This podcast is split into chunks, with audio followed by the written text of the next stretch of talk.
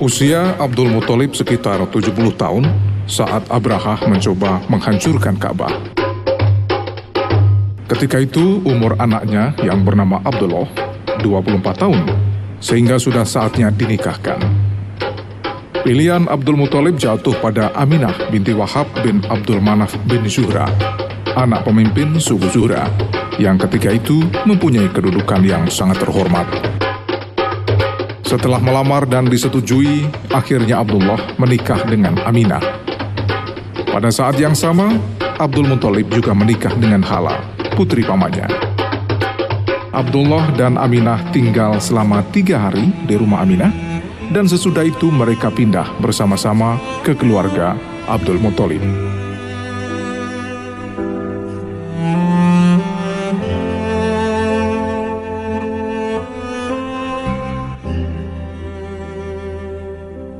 Beberapa bulan setelah perkawinan, Abdullah pergi berdagang ke Syam. Saat itu, Aminah sedang hamil. Ia tinggal beberapa bulan di Syam.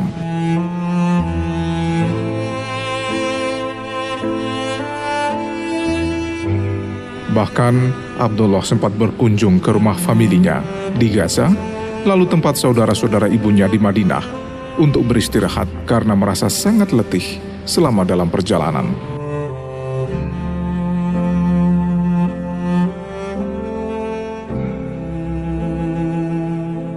Abdullah sebenarnya akan pulang dengan kafilahnya ke Mekah. Tapi ia sakit sehingga memilih tinggal di rumah saudara-saudara ibunya, sehingga kawan-kawannya pulang lebih dulu.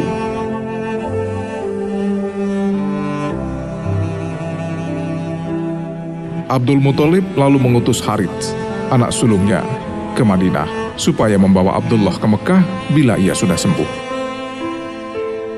Tapi sesampainya di Madinah, Harith mengetahui bahwa Abdullah sudah meninggal dan sudah dikebumikan sebulan sesudah kafilahnya berangkat ke Mekah. Kembalilah Harith pada keluarganya dengan membawa perasaan pilu atas kematian adiknya. Rasa duka dan sedih juga dirasakan Aminah karena ia kehilangan suami yang selama ini menjadi tumpuan hidup dan pelindungnya.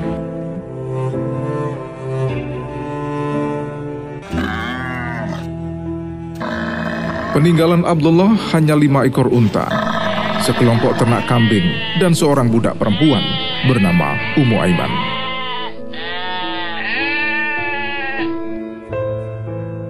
Dalam masyarakat Arab saat itu, harta warisan yang ditinggalkan Abdullah bukan tanda kekayaan, tapi tidak juga merupakan suatu kemiskinan.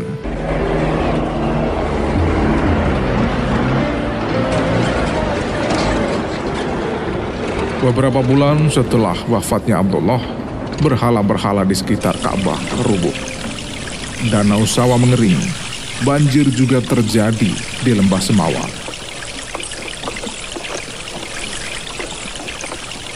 Pada saat yang sama, 14 tiang istana Kisro runtuh.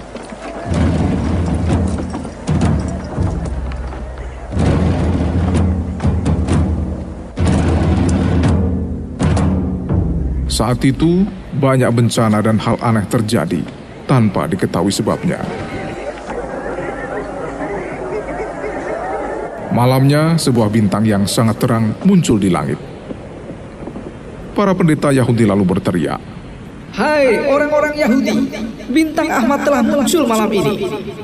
Seseorang yang istimewa pasti akan datang malam ini.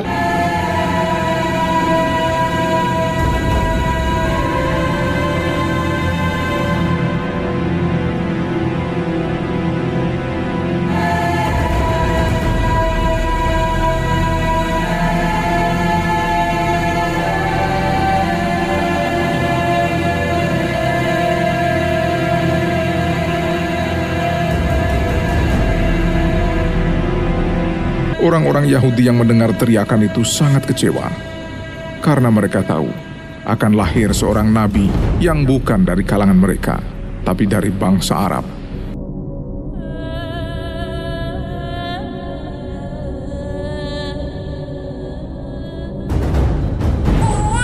Hari Senin, bulan April 571 Masehi, Aminah melahirkan anak laki-laki.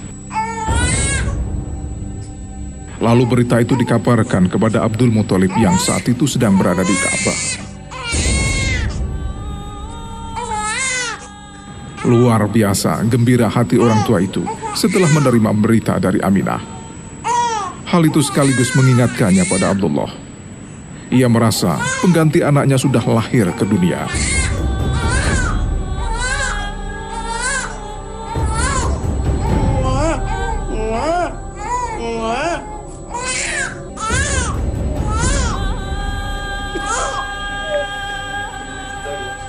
Cepat-cepat ia menemui Aminah. Lalu diangkatnya bayi itu dan dibawanya ke Ka'bah. Saat itu, ia memberi nama cucunya Muhammad.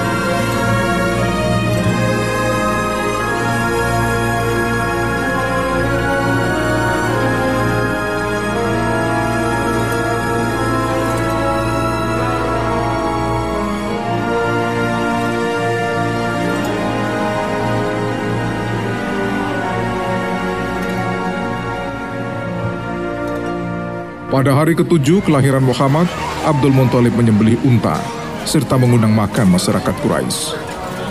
Namun mereka heran setelah tahu cucu Abdul Muthalib itu diberi nama Muhammad. Hei, Abdul Muthalib, aneh benar nama cucumu. Bukankah lebih baik jika diberi nama seperti kita, sesuai dengan nama-nama nenek moyang kita? Kuinginkan dia akan menjadi orang yang terpuji bagi Tuhan di langit dan bagi makhluknya di bumi.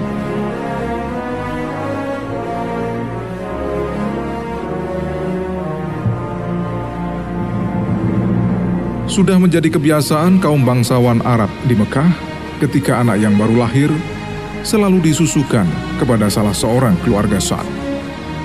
Sementara masih menunggu orang yang akan menyusukan itu, Aminah menyerahkan anaknya kepada Tuaiba, budak perempuan pamannya, Abu Lahab. Selama beberapa waktu, ia disusukan bersamaan dengan Hamzah, anak Abdul Muthalib dengan Hala yang seusia Muhammad. Pada suatu hari, datang wanita-wanita keluarga Syad yang akan menyusukan Muhammad dan Hamzah ke Mekah. Mereka memang mencari bayi yang akan disusukan, tapi mereka menghindari anak-anak yatim karena wanita-wanita itu mengharapkan upah lebih dan dari anak-anak yatim sedikit sekali yang orang tuanya memberikan uang sesuai harapan mereka. Karena itu, tidak ada yang mau mendatangi Muhammad namun salah seorang dari mereka, Halimah, ternyata tidak mendapatkan bayi lain. Akhirnya ia memutuskan mengambil Muhammad.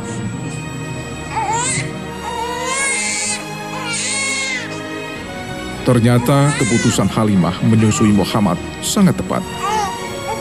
Sebab sejak diasuhnya anak yatim itu, ia merasa mendapatkan berkah. Ternak kambingnya semakin hari semakin banyak, semakin gemuk, Kambingnya pun menghasilkan susu yang berlimpah. Tuhan ternyata memberkati semua yang ada padanya. Selama dua tahun, Muhammad tinggal di Sahara, disusukan Halimah dan diasuh oleh Saima, putrinya. Udara Sahara dan kehidupan pedalaman yang kasar menyebabkan Muhammad tumbuh menjadi anak yang sehat.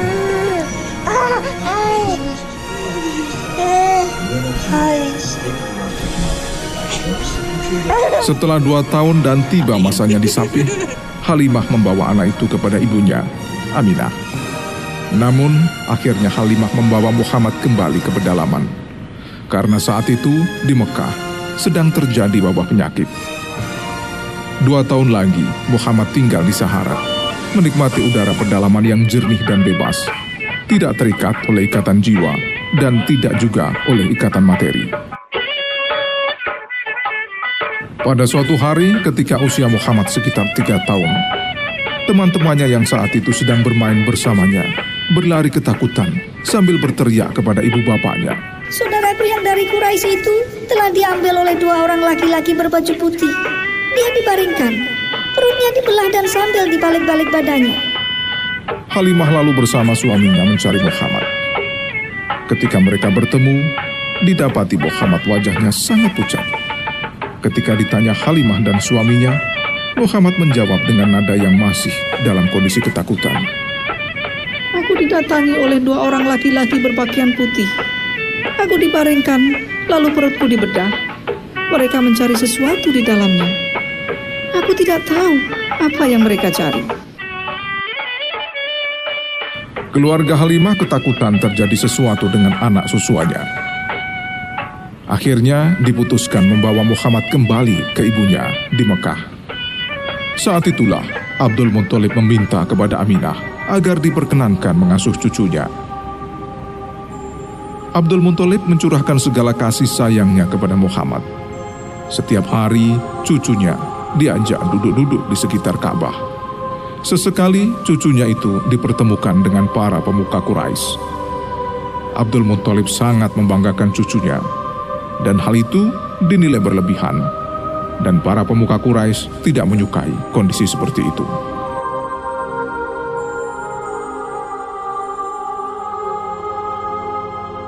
Ketika berumur enam tahun, Aminah membawa Muhammad ke Madinah untuk diperkenalkan pada saudara-saudara kakeknya dari pihak keluarga Najar. Dalam perjalanan itu, dibawanya juga Ummu Aiman, budak perempuan yang ditinggalkan Abdullah.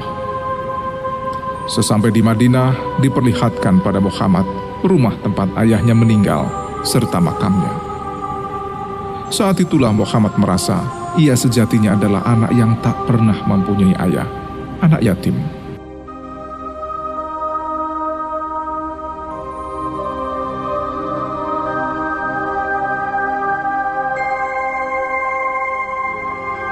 Setelah sebulan tinggal di Madinah, Aminah bersama rombongan akhirnya kembali pulang ke Mekah.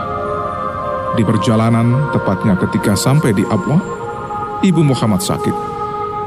Tak lama kemudian meninggal dan dimakamkan di tempat yang sama. Muhammad dan Ummu Aiman pulang ke Mekah dengan hati yang sedih dan pilu. Muhammad benar-benar merasa sebatang kara. Ia makin merasa kehilangan segalanya. Baru beberapa hari lalu, ia mendengar dari ibunya keluhan duka kehilangan Abdullah saat ia masih dalam kandungan.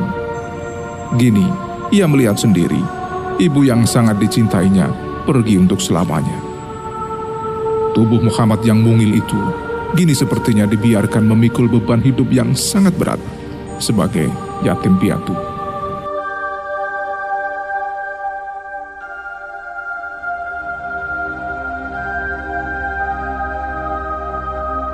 Sesampainya di Mekah, Muhammad kemudian diasuh kakeknya, Abdul Muthalib. Tapi itu pun tak berlangsung lama. Tahun kedua bersama kakeknya, Abdul Muthalib juga meninggal dunia dalam usia 80 tahun. Sedang Muhammad waktu itu baru berumur 8 tahun. Sekali lagi, Muhammad dirundung kesedihan yang sangat mendalam karena kematian kakeknya. Kondisi yang sama seperti yang dialami ketika ibunya, Aminah, meninggal dunia. Begitu sedihnya Muhammad, hingga ia terus menangis saat mengantarkan jenazah Abdul Muthalib ke peraduan terakhir.